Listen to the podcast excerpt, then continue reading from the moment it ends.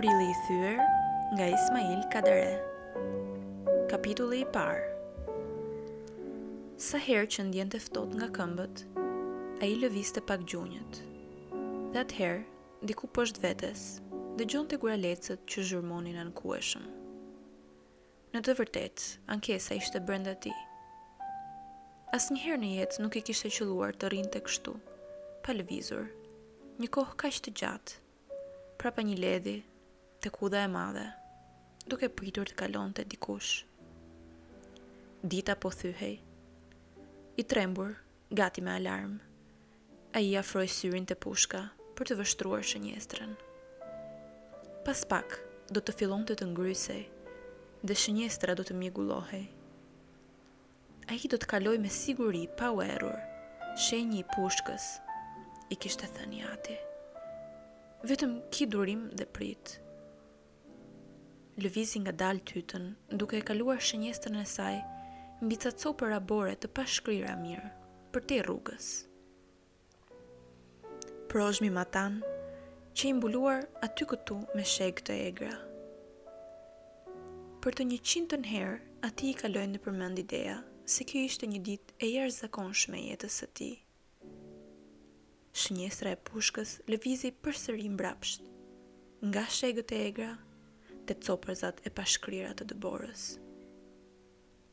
Ajo që ai e quajti me mend një ditë e jashtëzakonshme e tij, nuk ishte tani veçse ky grumbull plangash dëbore e këto shegë të egra, që dukej sikur prisnin aty qysh nga mesdita për të parë se ç'do të bënte ai. Edhe pak dhe do të erret, mendoi. Dhe unë nuk do të shënoj dot. Në të vërtetë, ai donte që të mbrëmja të binte sa më parë dhe pas saj të rrokullisej nata dhe ai të ikte me vrap nga kjo pritë e nëmur. Por dita shtyhej shumë ngadalë dhe ai duhej të priste akoma. Megjithëse ishte prita e dytë për gjakmarrje në jetën e tij, njeriu që duhet të vdiste ishte po ai i pritës së parë, kështu që edhe kjo pritë ishte si vazhdim i saj. Te këmbët ndjeu prapë ftohtë dhe prapë lëvizi gjunjët, si për të ndalur të ftohtën të ngjitej lart. Megjithatë, e ftohta ishte ngjitur prej kohësh në barkun e tij, në gjoks e gjer në kokë, Madje në kokë, ajo dukej sikur e kishte ngrirë trurin copa copa, si ato copërat e borës matanë udhës. Ai s'ishte në gjendje të mendonte asgjë të plotë e me lidhje logjike. Kishte vetëm një ndjenjë armiqësore ndaj shegëve të egra dhe pllangave të dëborës, dhe herë-herë i dukej se po të mos ishin ato, ai do ta kishte braktisur prej kohësh vendin e pritës. Mirëpo ato ishin aty, dëshmitare të palëvizshme, dhe ai s'ikte dot. Te bryli i udhës, për të njëqindtën herë gjatë kësaj pasditeje, u shfaq njeriu që duhej të vdiste. Ai ecte me hapa të shkurtër, me tytën e pushkës që i dilte në të djathtë të qafës, krejt e zezë, Njeriu i pritës u drodh. Ky nuk ishte më përfytyrimi i tij. I prituri vinte vërtet. Ashtu si qindra herë të tjera, Gjorgu drejtoi tytën e pushkës nga njeriu që po vinte dhe futi në shënjestër kokën e tij. Një çast koka u duk sikur bëri naze. S'donte që s'donte të futej atje. Madje Gjorgut iu duk sikur në çastin e fundit buzëqeshi me ironi. Gjashtë muaj më parë i kishte ndodhur e njëjta gjë dhe ai, për të mos t'ia shëmtuar fytyrën viktimës, se nga i erdhi një keqardhje e tillë në çastin e fundit, e kishte ulur shënjestrën më poshtë. Dhe kjo qe arsyeja që s'e kishte vrarë dot, vetëm e kishte plagosur në qafë. I prituri po afrohej. Vetëm të mos e plagos, mendoi Gjorgu në formë lutjeje. Gjobën e plagosjes së parë mezi e kishin shlyer dhe një plagosje e dytë do t'i shkatërronte ekonomikisht. Kurse vrasja s'kërkonte asgjë. I prituri po afrohej. Më mirë të më shkojë plumbi dëm sesa ta plagos, mendoi ai. Si qindra herë të tjera të përfytyrimit, përpara se ta qëllonte, Gjorgu, ashtu siç e kërkonte zakoni, i foli njeriut që po vinte. As në atë çast, as më vonë, ai nuk e kuptoi nëse i foli me zë apo zëri nuk i doli. E vërteta ishte që viktima ktheu kokën befasisht. Gjorgu pa vetëm një lëvizje të shkurtër të krahut, që, siç dukej donte të hiqte nga supi pushkën dhe në atë çast shtiu. Ai ngriti sytë menjëherë nga pushka dhe gati i habitur po shikonte se ç'po ndodhte. I vdekuri, njeriu që ishte akoma në këmbë, por Gjorgu ishte i bindur se kishte vdekur, bëri dhe një gjysmë hapi përpara. Pushka i ra anash dhe fill pas saj në anën e kundërt të saj ra dhe ai vetë. Gjorgu doli nga prita dhe eci drejt të vrarit. Rruga ishte krejtësisht bosh. Ishin vetëm hapat e tij që gjëmonin mbi të. I vdekuri kishte rënë përmbys. Gjorgu u përkul mbi të dhe i vuri dorën mbi njërin sup, si për ta zgjuar. Ç'po bëj, mendoi. Dora preku përsëri supin e të vrarit, sikur t'i thoshte të kthehej prapë në jetë. Përse e bëj këtë? tha me vete. Dhe në çast e kuptoi se nuk ishte përkulur mbi të vrarin për ta përmendur nga gjumi i vdekjes, po për ta kthyer mbarë. Jo, ai donte vetëm ta kthente trupin mbarë, ashtu siç e kërkonte zakoni. Shegët e egra dhe pllangat e pashkrira të dëborës ishin akoma aty, diku rotull, Dhe shikonin çdo gjë. U ngrit më këmbë dhe u mat të ikte. Por në çast iu kujtua se duhet t'ia mbështeste dhe pushkën te koka. Të gjitha këto i bëri si në ëndërr. I vinte për të vjellë dhe dy-tri herë tha me vete, më ka zënë gjaku. Ca çaste më vonë e gjeti veten duke ikur gati me vrap në rrugën për të shkretë. Po binte muzgu. Dy tri herë ktheu kokën mbrapa, pa e ditur as vetë pse. Rruga vazhdonte të ishte fare bosh. Ajo zgjatej tutje, midis prozhmeve dhe kaçubave, mespërmes ditës që po mbaronte. Diku përpara ai ndjeu zile mushkash dhe pas tyre zëra njerëzorë.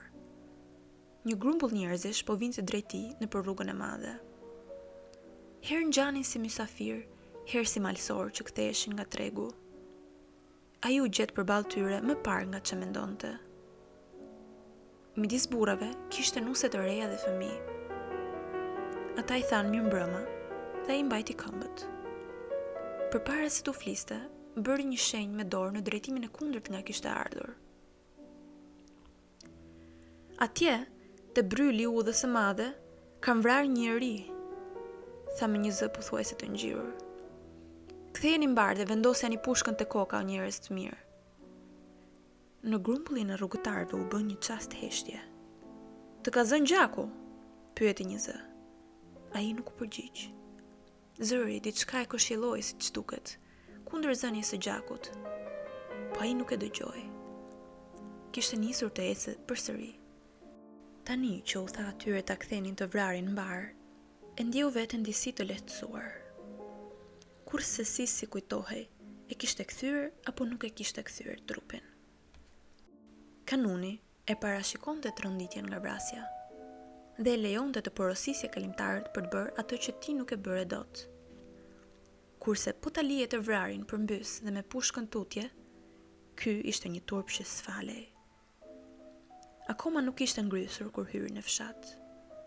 Ishte ende dita e tij e jashtëzakonshme. Porta e kullës ishte gjysmë e hapur.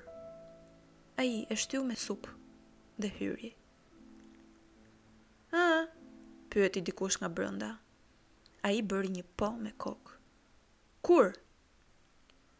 Pak përpara. Ai ndjeu hapat e tyre që po zbritnin nëpër shkallët e drunjta. I ke duart me gjak! tha babai. Shko t'i lash. Gjorgu i shikoi i habitur duart. Siç duket kur e kam kthyer mbarë, tha. Kot ishte bërë merak gjatë rrugës për kthimin e trupit. Mjaftonte të shikonte duart për të kujtuar se gjithçka e kishte bërë ashtu siç duhej. Në kullë ndihej era e kafesë së pjekur. Për çudi, i vinte gjumë. Madje dy herë rresht gogësiu. Te supi i majtë i tij, sytë e ndritur të motrës së vogël i dukeshin të largët, si dy yje prapa një bregoreje. Po tani, tha papritur pa iu drejtuar askujt. Duhet lajmëruar morti në fshat, u përgjigji ati. Vetëm tani Gjorgu vuri re se ai po i mbathte opingat. Ishte duke pirë kafen që ia poqi e ëma, kur dëgjoi zërin e parë përjashta. Gjorgu i Berishajve shtiu mbi Zef Kryeqyqen! Zëri kishte një tingull të veçantë. Diçka midis zërit të kasnecit që shpall një dekret qeveritar dhe një psalmi të vjetër. Ky zë jonjerëzor sikur e zgjoi një çast nga përgjumja.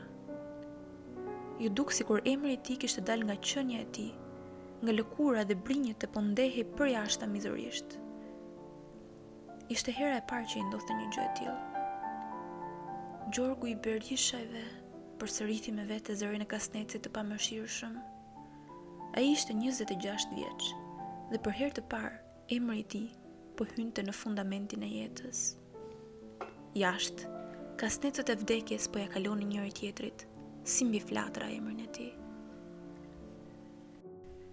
Pas gjysmë ore, trupin e të vrarit e sollën në katund. Sipas zakonit, e kishin vendosur mbi katër degë ahu. Kishte akoma një shpresë të vagët se ndoshta ende nuk kishte dhënë shpirt. I ati i të vrarit priste më këmbë te porta e kullës. Kur njerëzit që po e sillnin trupin ishin akoma 40 hapa larg, ai i pyeti: "Ç'më keni sjellë? Plagë apo mort?" Përgjigja qe e shkurtër, e prerë. Mort! Gjuha e tij e kërkoi pështymën. Thellë. shumë thellë në shpellën e gojës. Megjithatë, arriti të ngjiste fjalët. Futeni brenda të vdekurin dhe shpërndajeni mortin në fshat e nëpër vëllazëri. Zilet e bagëtive që po ktheheshin në fshatin Brezftoht, tingulli i këmbanës së mbrëmjes dhe gjithë zhurmat e tjera të ndajnatës, dukej sikur kishin sipër vetes lajmin e porsashpallur të vdekjes. Në rrugët dhe tragat e katundit kishte një gjallëri jo të zakonshme.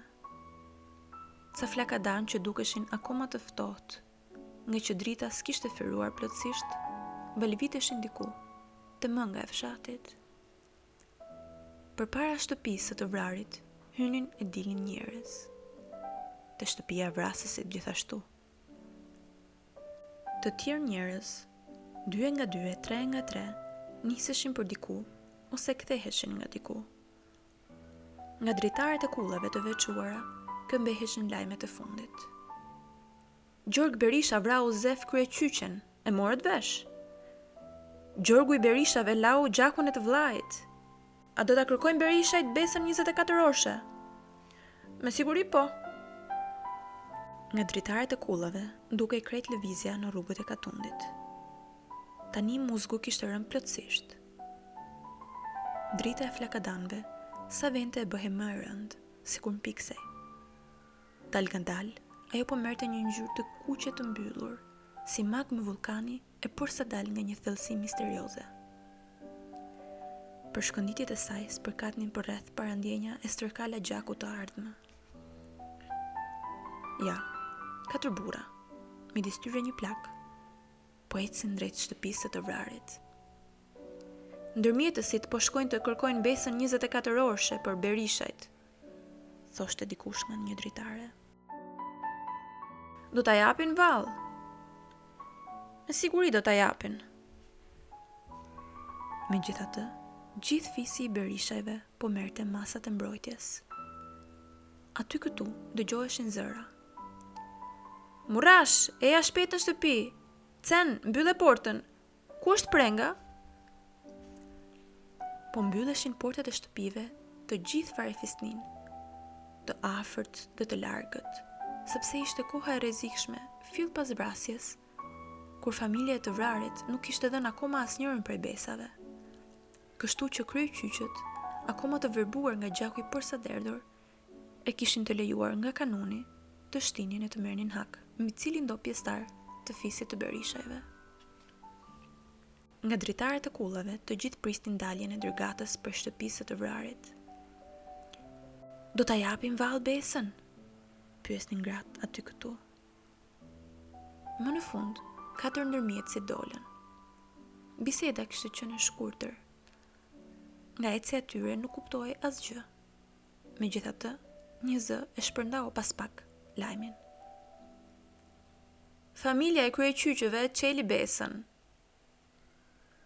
Të gjithë e kuptonin se ishte fjala për Besën e vogël, 24 orëshen, kurse Besën e madhe, 30 ditëshen, Akoma s'e përmendte kush, sepse atë nuk mund ta kërkonte familja, por katundi, dhe veç kësaj, ajo mund të kërkohej vetëm pas varrimit të të vrarit. Zërat fluturonin nga kulla në kullë. Familja e kryeqyqëve e çeli besën. E çelën besën kryeqyqët. Shyqyr, së paku njëzet e katër orë s'ka për t'u derdhur më gjak. Psherëtiu një zë i ngjirur pas një kanati. Ceremonia e përmortshme u bë të nesërmen në mesditë.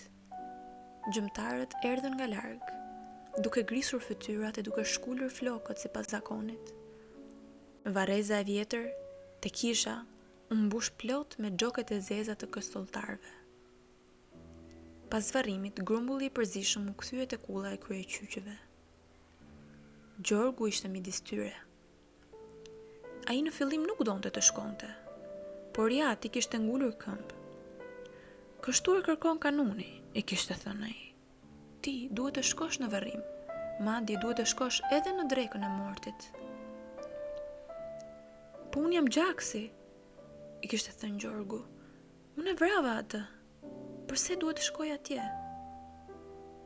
Pikërisht se ti je vrasësi, duhet të shkosh atje. Ja kishte prerë i ati. Gjithkush mund të mungojë sot në varrim ose në drekën e mortit, po vetëm ti s'mund të mungosh. Po pse? Kishte kundërshtuar për herë të fundit Gjorgu. Pse duhet ta bëj këtë? I ati e kishte parë me sy të zgurdulluar dhe Gjorgu nuk kishte folur më. Ai ecte tani midis kësollëtarëve, i zbehtë, me hapa të lëkundur, duke ndier anash shikimet e njerëzve, që vetëm sa e fshiknin për të ikur tutje nëpër mjegull. Shumica e tyre njerëzve ishin nga fisi i të vrarit. Për kushedi të satën herë ai rënkoi me vete? Përse duhet të jem këtu? Sytë e tyre ishin pa urrejtje, të ftohtë, si kjo ditë marsi. Ashtu siç kishte qenë ai, i ftohtë e pa urrejtje, një ditë më parë në pritë. Tani, varri i porsahapur, kryqet prej guri e druri, Shumica të vithisur anash, tingujt e pikëllueshëm të kambanës, të gjitha këto kishin atë ditë një lidhje të drejtpërdrejtë me të. Fytyrat e gjëmëtarëve me ato çerjet e frikshme që linin thonjtë e tyre nëpër to, oh Zot, kur kishin arritur t'i rritnin thonjtë brenda njëzet e katër orëve, mendoi ai. Flokët e shkulur egërsisht, sytë e mufatur, hapat monotonë që e rrethonin nga të gjitha anët, gjithë kjo strukturë vdekjeje qe e krijuar prej tij. Dhe, sikur të mos mjaftonte kjo, ai ishte i detyruar të ecte midis saj, ngadalë, përzishëm, ashtu si ata. Vijat e tirqve të tyre ishin fare pranë vijave të tirqve të tij, gjarpërinj të zinj me kokat plot helm, që ishin gati të kafshoheshin. Në ecje e sipër ato gati sa nuk prekeshin. Por ai ishte krejtësisht i qetë. Ishte i mbrojtur nga besa njëzet e katër orëshe më mirë se nga çdo frëngji kulle apo kështjelle. Tytat e pushkëve të tyre çoheshin drejt mbi xhoket e zeza. Po, tani për tani, ato s'kishin të drejtë të shtinin mbi të. Nesër, pasnesër, ndoshta. Kurse, po të kërkonte katundi besën tridhjetëditëshe për të, atëherë do të ishte edhe katër javë të qetë. Pastaj... Një tytë maliheri bënte ç'bënte lëkundej si për t'u dalluar midis të tjerave, disa hapa përpara. Një tytë e shkurtër shurdhane ishte nga e majta. Të tjera tyta përreth. Cila prej tyre do të Në ndërgjigjen e tij fjalët do të më vrasë mua në çastin e fundit, si për t'u lehtësuar pak, u shndërrua në do të shtirë mbi mua. Rruga nga varreza gjer te shtëpia e të vrarit dukej e pafund. Dhe përpara ishte dreka e mortit, ku atë e priste një provë akoma më e vështirë. Do të ulej në sofër bashkë me fisin e të vrarit, do t'i vinin bukë e do t'i hidhnin gjellë. Do t'i vinin lugët e pirunët përpara dhe ai duhej të hante. Dy-tri herë i shkrepi në kokë të dilte nga kjo gjendje pa kuptim. Të ikte me vrap nga ky grumbull kësolltarësh, Le ta shanin, le ta tallnin, le të thoshin se ai i shkeli zakonet qindravjeçare. Madje, le të shtinin pas shpine po të donin. Vetëm të ikte, të ikte. Mirëpo ai e dinte se nuk do të ikte dot kurrë. Ashtu siç nuk kishte ikur nga prita e një dite më parë. Ashtu siç nuk kishte ikur dot gjyshi, stërgjyshi, katragjyshi i tij, pesëdhjetë, pesëqind, një mijë vjet më parë. Ja, kulla e të vrarit po afrohej. Në dritaret e ngushta sipër qemerit të portës kishin vënë coha të zeza. Oh, ku do të futem, rënkoi ai me vete. Dhe, megjithëse qemeri i portës së ulët të kullës ishte akoma njëqind hapa larg, ai e uli kokën qysh më parë, që të mos përplasej në harkun e saj të gurtë. Dreka e mortit u bë sipas të gjitha rregullave. Gjatë gjithë kohës, Gjorgu mendonte drekën e mortit të tij, Cili prej atyre do të shkonte atje, ashtu siç kishte ardhur ai sot këtu? Ashtu siç kishte shkuar babai i tij dhe gjyshi dhe katragjyshi gjatë qindra e qindra viteve të breznive njerëzore. Gjëmtarët i kishin akoma fytyrat e çjerra të gjakosura. Zakoni e kërkonte që ata të mos i lanin fytyrat as në katundin ku kishte ndodhur vdekja e as udhës. Mund t'i lanin vetëm kur të mbërrinin në fshatrat e tyre. Me ato vija të çjera në faqe e në ballë, ata dukeshin si me maska. Gjorgu mendonte se si do të dukeshin vallë pas çjerrjeve të gjëmës njerëzit e fisit të tij. Tani atij i dukej se e gjithë jeta e breznisë së tyre njerëzore nuk ishte veçse një drekë mortje e pambarim, ku herë njëra palë shkonte te tjetra, e herë vinte pala tjetër tek ajo. Dhe secila palë përpara se të nisej për në gosti, vinte në fytyrë maskën e përgjakur. Pasdite, pas drekës së mortit, në katund nisi prap ecejakja e pazakonshme. Pas disa orësh mbaronte besa e vogël 24 orëshe për Gjorg Berishën. Dhe qysh tani, pleqnarët e katundit po bëheshin gati të paraqiteshin sipas të gjitha rregullave te kulla e kryeqyqve, për të kërkuar për Gjorgun në emër të fshatit besën e madhe tridhjetëditëshen. Në përpragjet e kullave, në katet e dyta ku banonin gratë dhe në sheshet e fshatit bisedohej vetëm për këtë. Ishte vrasja e parë për gjakmarrje e kësaj pranvere dhe ishte e natyrshme që të flitej imtësisht për gjithçka që kishte lidhje me të. Kjo kishte qenë një vrasje e bërë sipas të gjitha rregullave. Dhe varrimi, dhe dreka e mortit, dhe besa njëzet e katër orëshe, dhe gjithçka tjetër ishte bërë sipas kanunit të moçëm. Kështu që dhe besa tridhjetëditëshe që pleqnarët bëheshin gati të kërkonin te kryeqyqet do të jepej me siguri. Ndërkaq, ndërsa bisedoheshin të gjitha këto, në pritje të lajmeve të fundit lidhur me besën tridhjetëditëshe,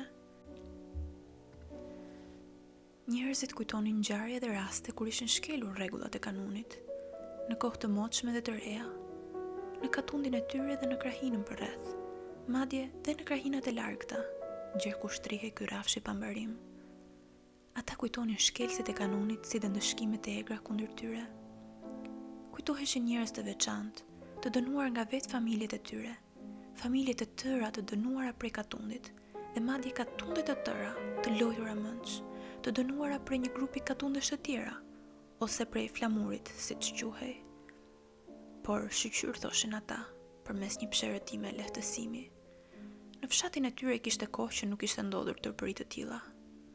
Gjithçka ishte bërë sipas rregullave të vjetra dhe prej kohësh askujt nuk i kishte kërcyer në kokë t'i thyente ato. Edhe gjaku i fundit qe derdhur sipas zakonit. Dhe Gjorgu i Berishajve, gjaksi, megjithëse djalë i ri, e kishte mbajtur veten mirë, si gjatë varrimit të hasmit të tij, si gjatë drekës së mortit. Me siguri kryeqyqet do t'ia jepnin besën tridhjetëditëshe për të. Aq më tepër që kjo lloj bese, ashtu siç nxirret prej katundit, ashtu dhe mund të këputet po prej tij. Në qoftë se gjaksi, duke përfituar nga favori i përkohshëm që i bëhet, po i kërcen në krye ta përdorë këtë duke bredhur e duke u mburrur nëpër katund për vrasjen. Po jo, Gjorgu i Berishave s'ishte i tillë. Përkundrazi. Për të kishin thënë gjithmonë se ishte tepër i mbyllur e i mendueshëm. Kështu që nga kushdo mund të priste njeriu marrëzira të tilla, por kursesi prej tij. Besa e madhe u dha prej Kryeqyqve mbasdite vonë, pak kohë përpara se të mbaronte afati i së voglës. Një nga pleqtë e katundit, që kishte qenë te Kryeqyqët, erdhi në kullën e Berishave dhe njoftoi për dhënien e besës 30 ditëshe. duke përsëritur me këtë rast këshillat e nevojshme se si Gjorgu nuk duhej ta shpërdoronte atë etj etj. Pas ikjes së përfaqësuesit, Gjorgu vazhdoi të rrinte si i mpirë në njërën nga qoshet e kullës. I mbeteshin akoma 30 ditë pa rrezik jete. Pastaj qenien e tij do ta mbështillte nga të gjitha anët pusia e vdekjes. Si lakuriqi i natës, ai do të lëvizte vetëm nëpër terr, i trembur nga dielli, nga hëna e plotë dhe nga flakadanët. Tridhjetë ditë, tha ai me vete. E shtimja e pushkës aty te ledhi i udhës së madhe e kishte ndarë befas jetën e tij në dy pjesë, në pjesën njëzet e gjashtë vjeçare të deritanishme dhe në pjesën tridhjetë ditore që po i fillonte sot, shtatëmbëdhjetë mars, gjer më shtatëmbëdhjetë prill. Më tutje, ishte jeta e lakuriqit të natës, që ai qysh tani nuk e llogariste më. Me bisht të syrit, Gjorgu vështronte copën e pejsazhit që dukej përtej dritares së ngushtë. Jashtë ishte mars, gjysmë i qeshur, gjysmë i akullt, me atë dritën e rrezikshme alpine që e ka vetëm ai. Dhe pastaj do të vinte prilli, ose më mirë vetëm gjysma e tij e parë. Gjorgu ndjeu një ligështim në pjesën e majtë të gjoksit. Prilli qysh tani po i vishej me një dhimbje të kaltërme. Ah, po, atij pak a shumë kështu i qe dukur përherë prilli. Një muaj kur diçka nuk përmbushet. Prilli i dashurisë, siç thoshin këngët, prilli i pambaruar i tij. E megjithatë, më mirë që qëlloi kështu, mendoi ai, pa e ditur as vetë se çfarë ishte ajo që qëlloi më mirë kështu, Marrja e gjakut të vëllait apo koha e gjakmarrjes? Kishte vetëm gjysmë ore kohë që i ishte dhënë besa tridhjetëditëshe dhe ai gati po mësohej me idenë se jeta e tij ishte ndarë në dy copa. Madje, tani i dukej se ajo kishte qenë gjithmonë kështu. Njëra copë e gjatë, njëzet e gjashtë vjet, një jetë e ngadaltë, e ngadaltë gjer në mërzi. Njëzet e gjashtë marse e prille e po aq dimra dhe vera. kurse copa tjetër, e shkurtra, katër javore, e vrullshmja, e shpejta si një ortek, vetëm me një gjysmë mars e një gjysmë prill, si dy gjysma dege të thyera, plot rrëzëllim bryme. Ç'do të bënte në këto 30 ditë që i mbeteshin? Zakonisht në kohën e besës së madhe, njerëzit shpejtonin të kryenin atë që s'e kishin kryer dot gjatë pjesës tjetër të jetës. Dhe, në qoftë se s'u kishte mbetur ndonjë gjë e madhe për t'u bërë, atëherë shpejtonin të kryenin punët e zakonshme. Po të ishte stinë mbjelljesh, shpejtonin të mbaronin mbjelljet. Po të ishte stinë korrjesh, mblidhnin duajt dhe në qoftë se nuk kishte as njërën as tjetrën, atëherë bënin gjëra akoma më të zakonshme, si rregullimi i çatisë, E po të mos qe nevoja për këtë, atëherë dilnin thjesht nëpër bjeshkë, për të parë edhe njëherë fluturimin e krillave, apo brymën e parë në tetor.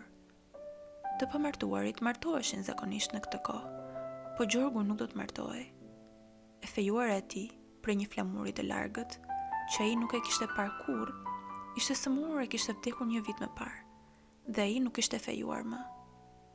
Pa i hequr sytë nga kjo copë pamje që po mjegullohej përjashta, ai po mendonte se ç'do të bënte me këto tridhjetë ditë që po i mbeteshin. Një herë iu dukën pak, tepër pak. Një vrundull kohe gjatë së cilës nuk do të arrinte të bënte asgjë. Por, pas disa minutash, ato 30 ditë iu dukën tmerrësisht shumë, ditë të gjata e krejt të panevojshme. Shtatëmbëdhjetë mars, mërmëriti ai me vete, njëzet e një mars, njëzet e tetë mars, katër prill, njëmbëdhjetë prill, shtatëmbëdhjetë prill, tetëmbëdhjetë prillmort, e kështu me radhë, prillmort, prillmort dhe maj asnjëherë, askurrë maj.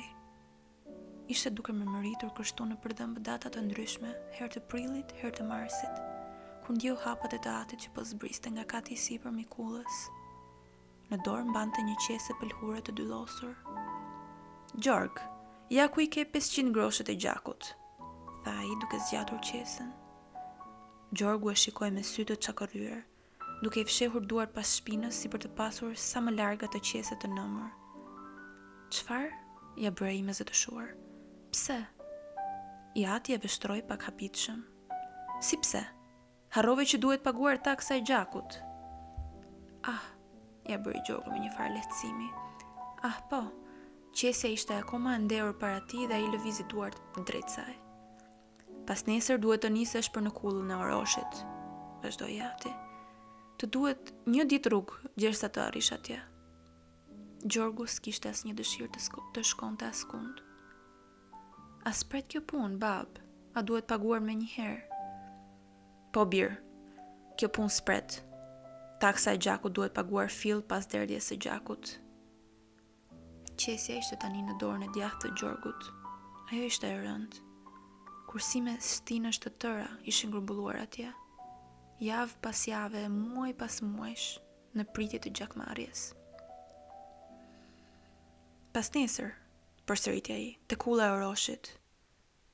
Ai qe afruar te dritarja dhe diçka vështronte përjashta me vëmendje. Nga cepat e syve i buriste një dritë shlodhëse. Eja këtu, i tha të birit me zë të butë. Gjorgu u afrua. Poshtë, në oborr të kullës, te teli i rrobave qe nderë një këmishë e vetme. Këmisha e tët vëllai, tha gati me pëshpërimë i ati. Këmisha e Mëhillit. Gjorgu nuk i hiqte sytë që andej. E bardhë, ajo fërgëllonte në erë, valëzohej, gufmohej hareshëm sipër telit. Pas një viti e gjysmë, qysh nga dita e vrasjes së të vëllait, nëna e kish larë më në fund këmishën, që fatkeqi e kishte të veshur atë ditë. Për një vit e gjysmë rresht, ajo ashtu e përgjakur siç qe, kish qëndruar e varur, siç e kërkonte kanuni, në katin e sipërm të kullës, duke pritur që të lahej vetëm pas marrjes së gjakut. Thoshin se kur njollat e gjakut mbi këmishë nisin të zverdheshin, kjo ishte një shenjë e sigurt se i vrari po shqetësohej që s'po i merrej gjaku. Barometër i pagabueshëm, këmisha tregonte nëse po bëhej vonë apo jo për shpagim. Me anë të saj, që nga thellësia e dheut ku qe shtrirë, i vdekuri dërgonte sinjalet e tij. Sa herë, në orët e vetmisë, Gjorgu qe ngjitur në atë kat të shkretë për të parë këmishën. Gjaku zverdhej e zverdhej gjithmonë. Kjo do të thoshte se i vdekuri s'gjente qetësi. Sa herë Gjorgu e kish parë në ëndërr atë këmishë midis ujit dhe shkumës së sapunit, duke u larë, duke u zbardhur e duke farfuritur si qielli pranveror. Por në mëngjes ajo ishte prapë atje, plot njolla të kuqërremta gjaku të tharë. Dhe ja, tani këmisha ndehej më në fund sipër telit. Por nga kjo Gjorgu për çudi nuk ndiente ndonjë lehtësim. Ndërkaq, si një flamur i ri që ngrihet pas uljes së flamurit të vjetër, në katin e sipërm të kullës së Kryeqyqëve qe varur këmisha e përgjakur e të sapovrarit. Stinët e ftohta apo të nxehta do të ndikonin mbi ngjyrën e gjakut të tharë. Lloji i pëlhurës së këmishës gjithashtu. Por asnjëri nuk do të donte të dinte për to. Dhe të gjitha ndryshimet nuk do të merreshin veçse si mesazhe misterioze